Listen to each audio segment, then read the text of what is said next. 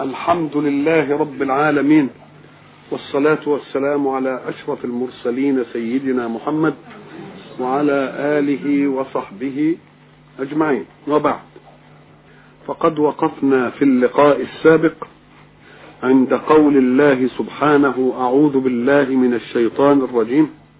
وقال لهم نبيهم إن الله قد بعث لكم طالوت ملكا. قالوا أنا يكون له الملك علينا ونحن أحق بالملك منه ولم يؤت سعة من المال. النبي حينما سألوه أن يبعث لهم ملكا لم يشأ أن يقول بعثت لكم ملكا. وإنما أراد أن يربب الاحترام في المبعوث بأن المسألة ليست باختيار منه. وإن كنتم قد فوضتموني في أن أبعث لكم ملكا فأنا أريد أن أصعد أمر مهابة هذا الملك لا إلي ولكن إلى ربي. فقال إن الله قد بعث لكم طالوت ملكا. قولهم أن يكون له الملك علينا. فيه عدم انسجام مع الخبر. لأن نبيهم قال لهم إن الله قد بعث عليكم ولا لكم؟ آه. يبقى مبعوث لصالحكم. هم حينما لاموا القرار قالوا أن يكون له الملك علينا. فخذوا المسألة على إنه جاي يسيطر عليهم ده هو جاي لصالحكم لأنكم أنتم اللي طالبين أن يقودكم في الحرب والمعركة. اذا فأمر الاختيار الملكي ليس عليكم ولكن لكم. يبقى أنتوا نقلتوها ليه كده؟ نقلتوها النقلة البايخة دي ليه؟ أن يكون له الملك علينا. هو أنا بعته ملك عليكم ده أنا بعته في حسابي لكم. فكان يجب إن كنتم تاخدوا في حسابي لك ولا لكن لا في حسابي ولكن التلكؤ أمر طبيعي. شيء آخر. أنه يدل أيضا أن يكون له الملك أن طالوت هذا لم يكن من الشخصيات المشار إليها. الشخصيات المشار إليه. ليه؟ لأن عادة حين يحزب الأمر جماعة من الجماعات أن تفكر في من يقود بتبقى في أشخاص لمعه كده من الممكن أن يقع عليها الإيه؟ الاختيار. من الممكن ولكن ده دليل على إنه جه من غمار الإيه؟ من غمار القوم. بدليل إنه أن يكون ولم يؤتى. وده جاي لنا منين ده؟ آه يبقى اذا ده يدلنا على أن الناس حين يريدون وضعا من الأوضاع لا يريدون الرجل المناسب للموقف ولكن المناسب لنفسهم. مناسب لنفسهم. بدليل أن يكون له الملك علينا ونحن أحق بالملك منه. هو الملك جاي غطرسة هو الملك جاي كبرياء؟ ما دام طالوت ده راجل من غمار الناس ده يدلك على أن الحق يريد أن يضع قضية. حين تريد الاختيار إياك أن يوشك حسب أو نسب أو جاه ولكن اختر. آه الأصلح اللي هم أهل الإيه؟ أهل الخبرة. مش أهل الإيه؟ مش أهل الثقة. أهل الخبرة مش أهل الإيه؟ الثقة. ثم تعالوا القضية اللي أنتم طالبينها عشان يقودكم ويبقى ملك تعوز حاجة من اتنين. عايز رجل جسيم ورجل عليم. وأنا اخترت جسيم وعليم. أنا اخترت إيه؟ جسيم وعليم. جسيم كده من مهابة كده. مفهوم؟ وعليم. إن الله وبعدين قال إيه؟ بعد شوفوا شوفوا بقى القرآن. الأول إن الله قد بعث لكم. مش كده؟ وكلمة بعث ما جرحتش الباقي في إنه أحسن منه. إنما لما حصل فيه لجاج قال إن الله اصطفاه عليكم. الله. حصل إيه؟ لجاج بقى نقول لهم لا هنقولها لكم بقى. إن الله إيه؟ اصطفاه عليكم. كنتم الدريين والمسألة متدارية إنما ما دام بقى كأنه لا يوجد فيكم إن وجد فيكم أهل البسطة والجسامة ما يوجدش فيكم أهل الإيه؟ أهل العلم. إن الله إيه؟ اصطفاه عليه. وزاده بسطة. يعني كلمة وزاده. كأنه كان يجب أن يكون مجرد اصطفاء الله ترجيحا لوجوده. فما بالك وقد زاده بسطة. في العلم يعني علشان حتى يسد الذريعة بتاعتكم. يعني مع أن مجرد اصطفاء ربنا كان إيه؟ كان كافي إن شاء الله يكون قميء إن شاء الله يكون أي هو اصطفاه لكن برضه اصطفيته وزاده بسطة. ولم يؤت سعة من المال. قال إن الله اصطفاه عليكم. شوف بقى حرقة ال وزاده بسطة في العلم والجسم. ودي المؤهلات الذي إيه؟ اللي, تريدونها الآن. والله يؤتي ملكه من يشاء. والله يؤتي ملكه من يشاء. ما تفتكروش إن أنتوا اللي هترشحوا لي الملك؟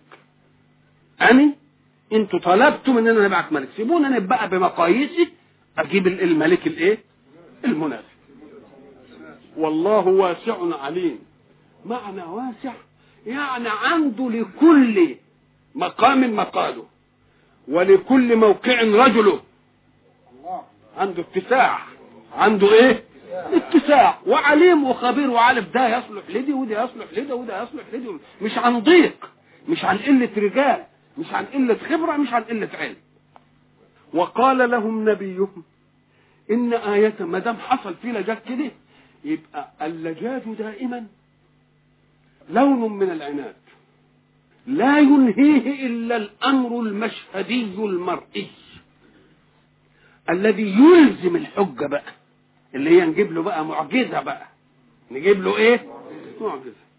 ما دام المسألة وصلت كده ولا استقبلوش الأمر الله. لو استقبلوا أمر الله من تأكد أنت. قال آية ملكه. آية ملكه يعني علامة. إنه ملك وإن الكلام ده صحيح. شوف أدب النبوة حتى. مع انهم هم رايحين للنبي يقولوا له ابعث لنا إيه؟ ملك. وقال إن الله إيه؟ آه وجاب لكم ومع ذلك قال هنجيب لكم علامة عشان إيه؟ عشان تصدقوا. مع ان كان الاصول والمنطق ما دام راحوا له على انه نبي انهم ما يدخلوش وياه في هذا اللجاج ولا في هذا الجدل. وقال لهم نبيهم إن آية ملكه أن يأتيكم التابوت فيه سكينة من ربكم وبقية مما ترك آل موسى وآل هارون تحمله الملائكة. ما دام حصل لجاج عايزين علامة. قال والله العلامة أن يأتيكم التابوت. لازم كلمة أن يأتيكم التابوت ناخد منها حاجتين. أن التابوت كان غائبا ومفقودا. مش كده؟ وإن التابوت ده أمر معروف. الكل إيه؟ وكأن في تلهف على التابوت ده يجي. يبقى في ثلاث إيه دلوقتي؟ ثلاث حاجات. يأتيكم التابوت يبقى التابوت مفقود. خلاص؟ والتابوت معروف له. مش كده؟ وفي تشوف على إنه إيه؟ فما هو التابوت؟ التابوت ده ورد في القرآن في حتتين الحتة دي. والحتة إذ أوحينا إلى أمك ما يوحى. ها؟ أن اقذفيه في التابوت فاقذفيه في اليم. فليلقه اليم بالساحل. إذا التابوت نعرفه من أيام قصة موسى وهو رضيع. وامه خافت عليه وربنا قال لها إذا خفت عليه فألقيه بالايه في اليم. ولا تخافي ولا تحزني والى اخره إذا فللتابوت قصة مع مين؟ مع موسى وقومه. مع موسى وقومه. هل هو هذا التابوت؟ غالب الظن أنه هو. ما دام جاب التابوت كده اهو على الإطلاق يبقى التابوت المعروف إيه؟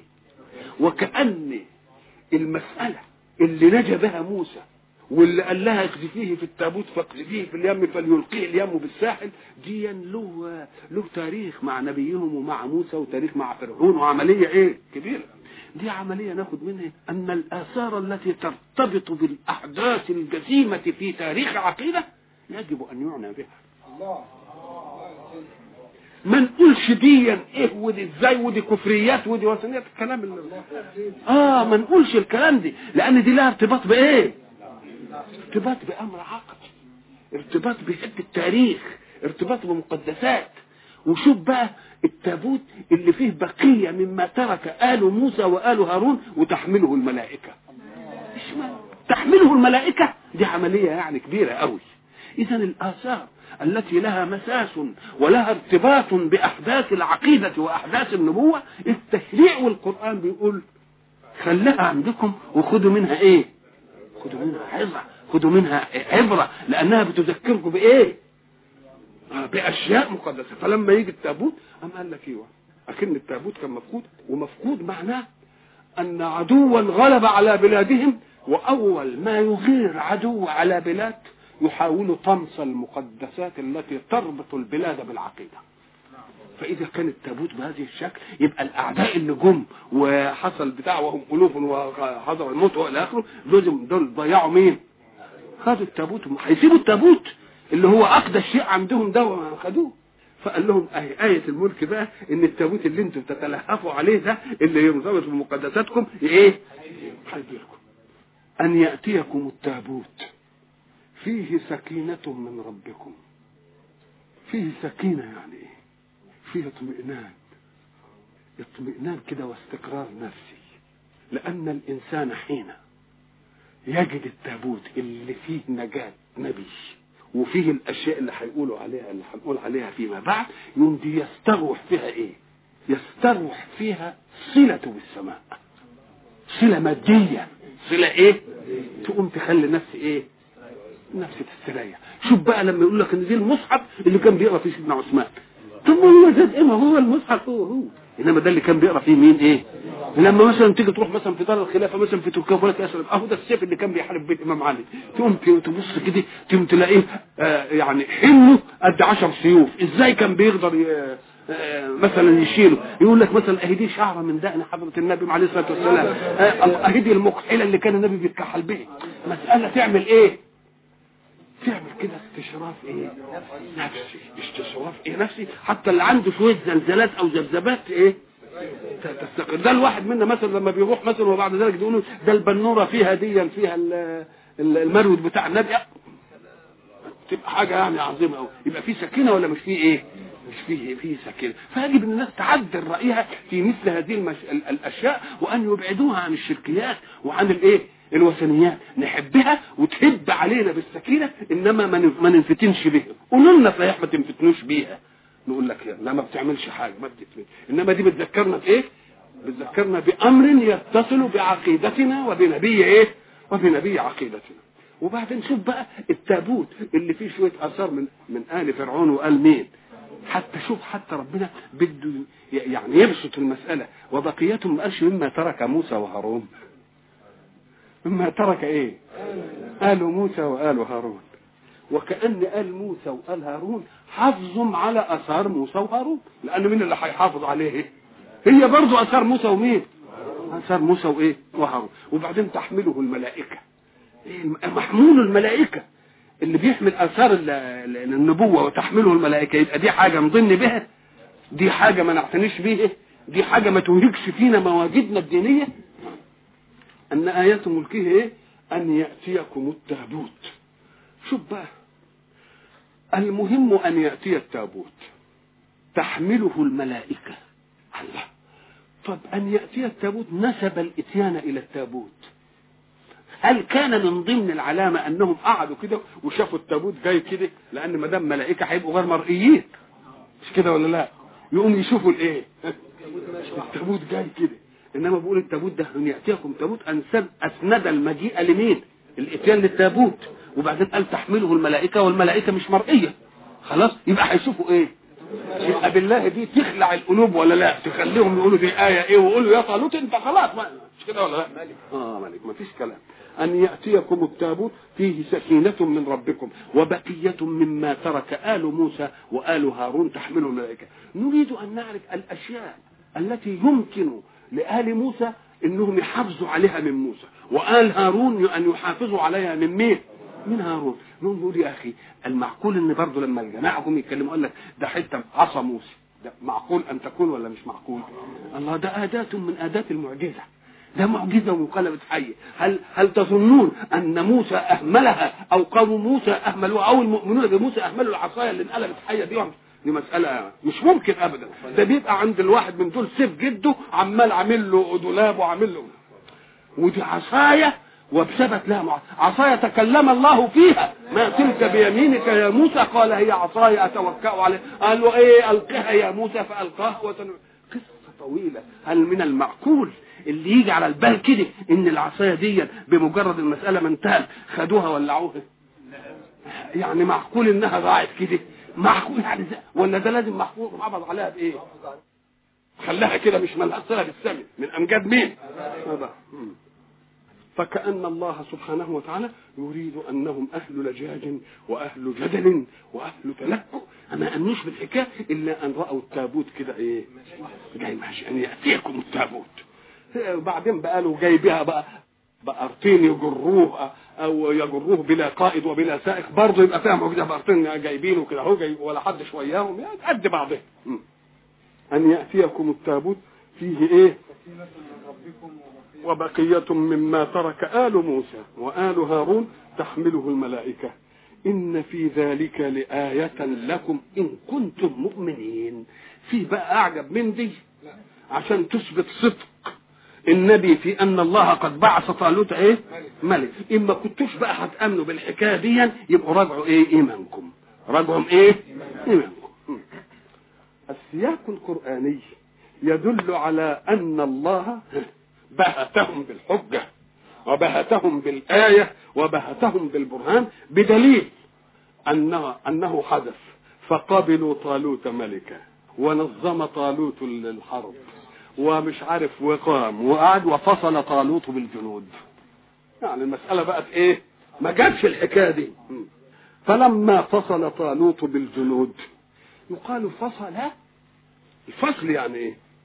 عزلت شيئا؟ عن شيء. ولما فصلت العير قال أبوهم إني لا اجد ريح يوسف فصلت العير يعني إيه؟ سابت مصر وخرجت بقى من البلد أهي فلما فصل طالوت بالجنود يعني إيه؟ يعني خرج من مكان إقامة الجيش. ومنه بناخد الفصل والفصول سواء كانت في مؤلفاتنا أو في كتبنا الباب نقسمه إلى إيه؟ إلى إيه فصول. يعني بنقطع طائفة كده من الكلام نقول الفصل الفلاني والفصل الفلاني والفصل الفلاني والفصل الايه وبرضه بنيجي في المباني وبنعمل فصل أول وفصل ثاني وفصل ثالث وفصل إيه؟ وفصل رابع بنفصل ولا لا؟ فلما فصل طالوت بالجنود كلمة جنود جمع جند. الجند دي هو صحيح مفرد إنما يدل على جماعة. مفرد لفظ إيه؟ جند جمعه جنود. أصل كلمة جند الأرض الغليظة الصلبة القوية. ونظرا لأن الجنود مفروض فيهم إيه؟ إن ما ناخدش أي حد بدليل إن إحنا بنعمل فرز بقى وناخد مش عارف إيه ونو... إيه مش كده ولا لأ؟ عايزين إيه؟ يبقى الجند في أصلها الأرض الغليظة القوية. جمعها جنود وهو مفرد جند مفرد. إلا أنه يبقى إيه؟ مفرد يدل على زي قوم. مش كده؟ زي مش كده ولا لا؟ زي طائفة طائفة دي مفرد ولا لا؟ إنما هي جماعة ولا لا؟ ها؟ ولذلك لما يقول وإن طائفتان من المؤمنين إيه؟ اقتتلوا. وهو الجماعة لأن أصل الطائفة شويد وشويد وشوية ولما فصل طالوت بالجنود قال شفت اللجاج بقى اللي هناك؟ لم يشأ طالوت أول مباشرة بقى لمهمته.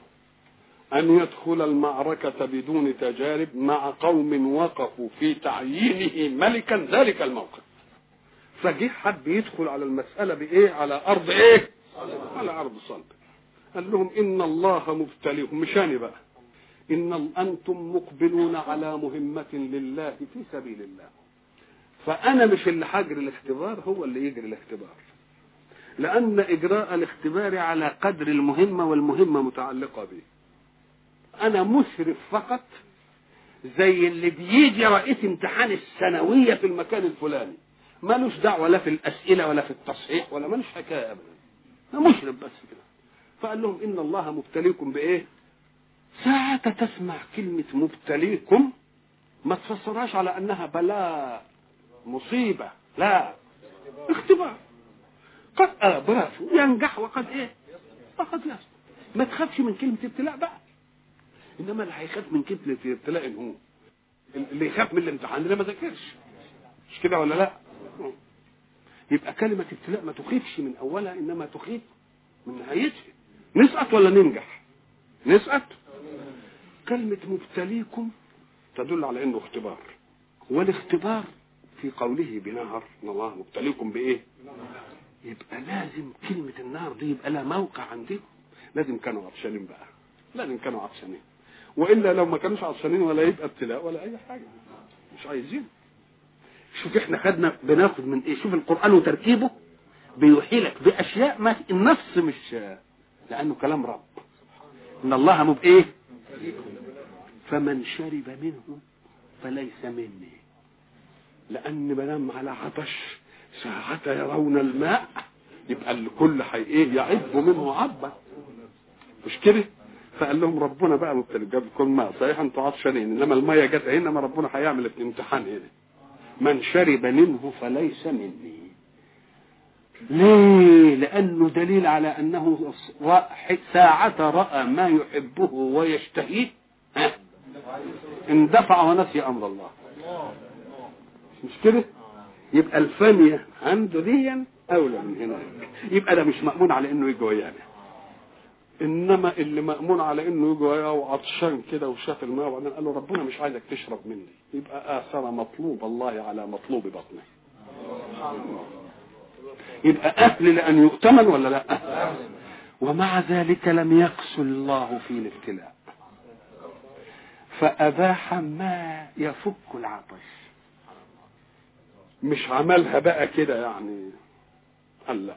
إن الله مبتليكم بنهر. فمن شرب منه فليس مني. ومن لم يطعمه فإنه مني. إلا من اغترف غرفة بيده فشرب. يعني هو مسامح لكم إنكم إيه؟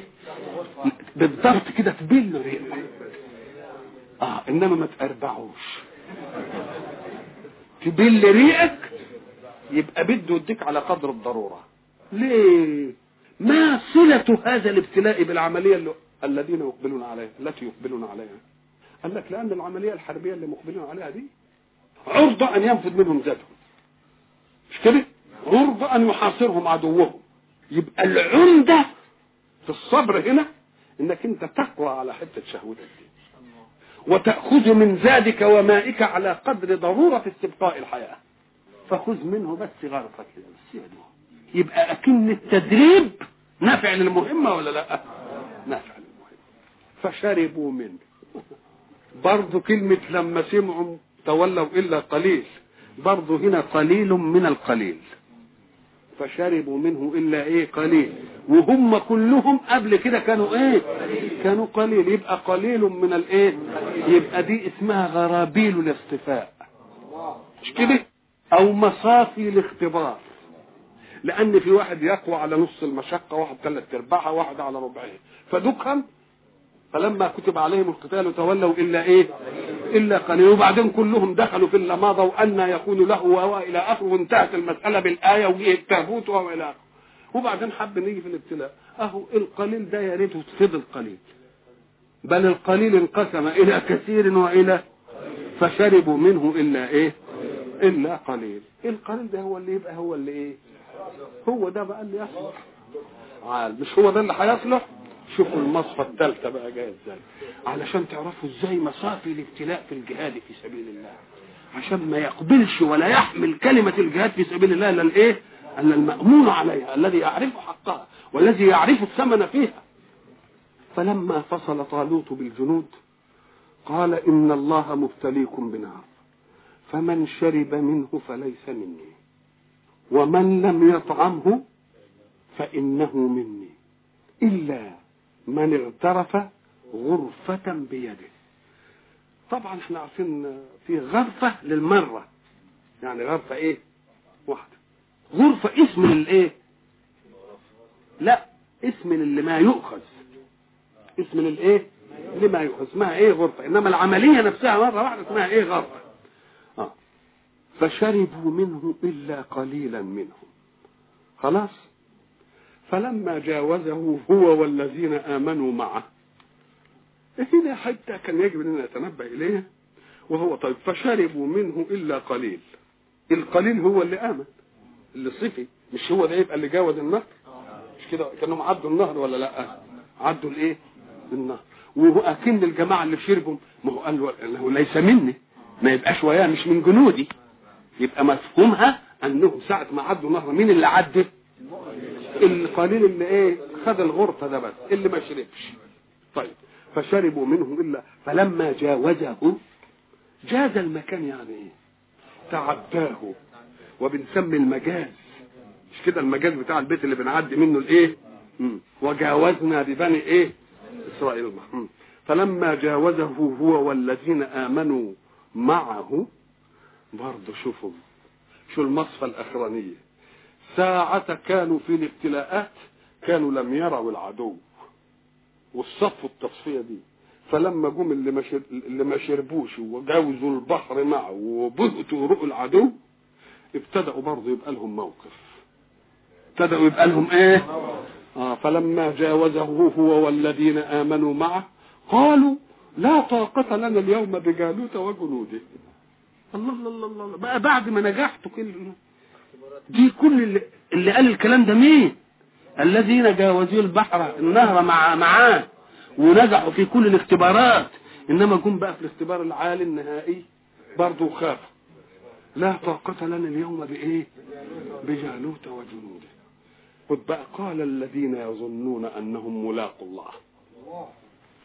ادي فايدة المواجيد بتختلف وإن اتحدت المرائي. الذين جاوزوا انقسموا قسمين. قسم رأى جالوت وجنوده والقسم الثاني برضه رأى جالوت وجنوده بس ما انقسموش عند الرؤية انقسموا عند المواجيد التابعة للرؤية واحد إيه؟ خاف. وواحد ما خافش. مش كده؟ فاللي خاف قال لا طاقة لنا اليوم بإيه؟ بجالوت وجنوده. ادي النزوع بتاعه. يبقى خاف رأى جالوت وجنوده. فوجد الخوف منه في نفسهم فقال لا طاقة لنا الإيه؟ يبقى عملية شعورية ثلاثة ولا لا؟ إدراك ووجدان ونزوع طيب وقال الذين يظنون أنهم ملاقوا الله. هم شافوا برضه ولا لا؟ والموجود بتاع ما خافوش. ليه؟ آه مؤمنين بالإيه؟ مؤمنين بالله. اذا فالمرائي قد تتحد. ولكن المواجيد تختلف والنزوع يختلف باختلاف المواجيد. وقال الذين يظنون أنهم ملاقوا الله كم من فئة قليلة غلبت فئة كثيرة كأنهم أدخلوا في حسابهم ربهم ودكهم عزلوا عن حسابهم ربهم فهم منطقيون مع أنفسهم لأنهم رأوا نفسهم قلة ودكهم إيه؟ لأنهم معزولين عن حب عن حضانة الله. إنما اللي حاسب نفسه في حضانة الله يبقى يستقل دكهم ولا ما يستقلهمش؟ يستقلهم. كم من فئة قليلة إلا قال الذين يظنون أنهم ملاقوا الله. لك أن تقول الذين يظنون مجرد ظنهم أنهم يلاقوا الله جعل لهم هذه العقيدة. مجرد الظن. فكيف إذا كان يقين؟ طب ملاقوا الله جزاء في الآخرة؟ ولا ملاقون الله في المعركة. وإياهم ربنا. ربنا مش هيسيبهم. يبقى بتنفع كده وتنفع إيه؟ كم من فئة قليلة غلبت فئة إيه؟ كثيرة بإذن الله. والله مع الصابرين. إيه يعني مع الصابرين؟ أم قال لك لأن فيه معارك يفوز بها الأقدر على الصبر. الأقدر على الصبر. ولذلك هناك في قوله سبحانه وتعالى بلى إن تصبروا وتتقوا ويأتوكم من فورهم هذا يمددكم ربكم بخمسة هو يقول لهم ألن استقولوا للمؤمنين ألن يكفيكم أن يمدكم ربكم بثلاثة من الملائكة منزلين؟ هيمدكم بكام؟ ده الوعد. بلى يمدكم بالثلاثة. وإن تصبروا نجيب لكم نمدكم بإيه؟ نمدكم بإيه؟ بخمسة بكأن التبرع بكام؟ بثلاثة. وإن تصبروا وتتقوا نجيب لكم كمان إيه؟ إذا المدد يجي على قدر إيه؟ على قدر الصبر. ليه؟ أم قال لك لأن حنان القدرة عليك ساعة يجدك تتحمل المشقة. يوم يحن عليك ويجيب لك. أنا ضربت لكم مثل زمان وقلت اذهبوا أن إنسان تاجر جملة كبير وجلس أمام الخان يسموه إيه؟ الدكان الكبير يعني الوكالة. وبعد ذلك عربيات النقل جايبه له السحاحير والبضائع والعمال عم كل واحد يحمله إيه؟ الصندوق ويدخله في في الوكالة. وبعد ذلك جاء حامل حمل صندوق فغلبه الصندوق. اتاري ثقله ما هو إزاي ثقل الإيه؟ الصناديق اللي فاتت. والرجل يجلس أمام محله ورأى أن الصندوق يغلب العامل. ماذا يكون الموقف؟ والعامل يحاول ان بلا شعور. تلتفت إليه مندفع وقام كده وياه. كذلك ربك. كذلك ربك. عايزك آه عايزك تستنفذ أسباب اسباب المعطى لك فحين تستنفذ الأسباب برجولة وثبات وصبر تجد معونة الله. يقول هذا يستحق أن يعان. آه. آه. كم من فئة قليلة غلبت فئة إيه؟ كثيرة بإذن الله. والله مع الصابرين. ولما برزوا لجالوت وجنوده ولما برزوا لجالوت وجنوده ربنا ادي الشحنه الإيمانية. الشحنه الإيمانية لمن يريد أن يواجه عدوه. آه بيقول إيه؟ ربنا. حتى في النداء ما قالش يا الله. قال إيه؟ لأن الرب ده المتولي التربية. متولي الإيه؟ لأن مطلوب الله عبودية وتكاليف إنما مطلوب الربوبية ده عطاء. مطلوب ربنا. يعني إحنا مسؤولين منك. يا سيدي يا اللي خلقتني يا اللي بترزقني يا اللي امدتنا بالأسباب. يا اللي يا اللي يا آه. ربنا ولما برزوا لجالوت وجنوده قالوا ربنا أفرغ علينا صبرا. شوف كلمة أفرغ. أفرغ علينا معنى أفرغ علينا صبرا يعني. يقال آه. وافراج إيه؟ يعني ان إيه عبينا صبر بقى. أفرغ علينا إيه؟ أفرغ علينا صبرا. يكون أثره أن تثبت أقدامنا. يكون أثر الصبر ده أن إيه؟ أن تثبت. وثبت أقدامنا. ونهاية الصبر وتثبيت الأقدام أن ننصر على القوم الإيه؟ على القوم الكافرين. فهزموهم بإذن الله. هزم تدل على فرار من كان يحب أن يكون كرا. لأن فيه كره وفيه فر. المحارب يحب أن يكون كر دائما. فحين يلجأ إلى أن يفر نشوف هل الفرار هذا احتراف لقتال؟ يبقى لسه ما ثبتتش هزيمه لكن إن كان الفرار لغير كره يبقى هي دي الإيه؟ هي دي الهزيمة. ده قول الله فهزموهم بإذن الله يدل على أن الكل لم يقتل ولكن قتل أئمة الكفر فيهم. بدليل هيجي يقول إيه؟ وقتل داود جالوت. يبقى جالوت ده هو اللي كان إيه؟ كان الزعيم. يبقى اذا هذا يدل على أن الهزيمة معناها أن يصير إلى فرار من كان يحب أن يكون إيه؟ كر لكن هل افرض إنه متحرف كر فر ليكر. يبقى لسه المعركة يقال معركة إيه؟ ما لسه. يبقى على أن لا يعود كرا. يبقى ده اسمه إيه؟ يبقى اسمه مهزوم. وقتل داود جالوت داود أول مرة علم ينبط لنا في القصة الطويلة دي. ما عندناش فكرة عنه ابدا. ما عندناش فكرة. وقتل داود إيه جالوت. وستأتي الفكرة عنه بعد هذه الإيه؟ العملية. وآتاه الله الإيه؟ الملك والحكمة. وعلمه ما إيه؟ ما يشاء. إذا فبداية داود من هذه المعركة.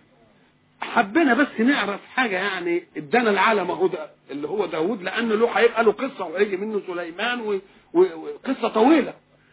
قال لك إن داود ده كان اخ لعشرة وكان أصغرهم.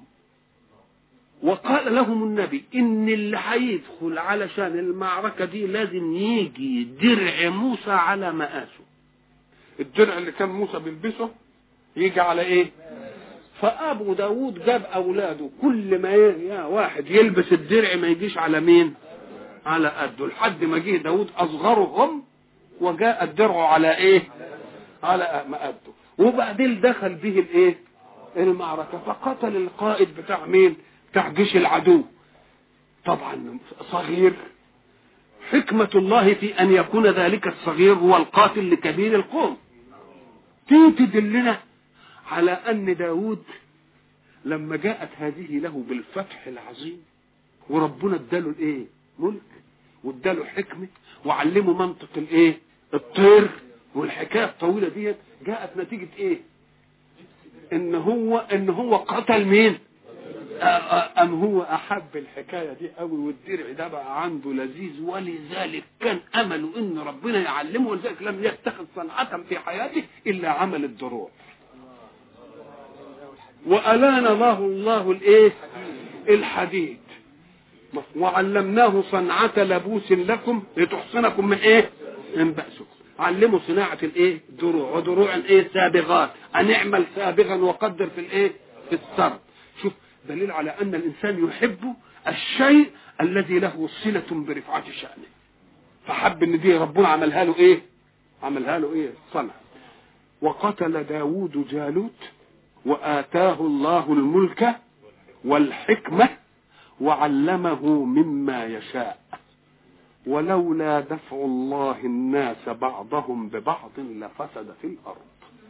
يأتي الحق بقضية كونية في الوجود وهو أن الحرب ضرورة اجتماعية ما دام الناس مجتمعين وأن الحرب يدفع الله به الناس عن الايه عن الناس. وأنه لولا وجود قوة أمام قوة يفسد العالم. لو تسيطرت قوة واحدة في الكون. إيه اللي بيعمر الأكوان؟ إن توجد فيه قوة. وقوة إيه؟ ولذلك تجد العالم محروس دائما بالقوتين الإيه؟ لازم كده. وإلا لو كانت قوة واحدة كانت إيه؟ تعم الإيه؟ تعم الضلال. تجد مثلا قديما يجي يقول لك مثلا إيه؟ أمة فارس في الشرق وأمة الإيه؟ الرومان في الإيه؟ في الغرب دلوقتي برضو عندنا إيه؟ عندنا مثلا كذا يبقى لولا دفع الله. ومعنى الدفع معناها إيه؟ دفعه. آه. دفعه يعني إيه؟ رده عن مراده. يبقى مراد الناس أن يوجد إيه؟ شر. والله يدفع الشر بالإيه؟ والشر بالشر. وإلى لقاء آخر إن شاء الله.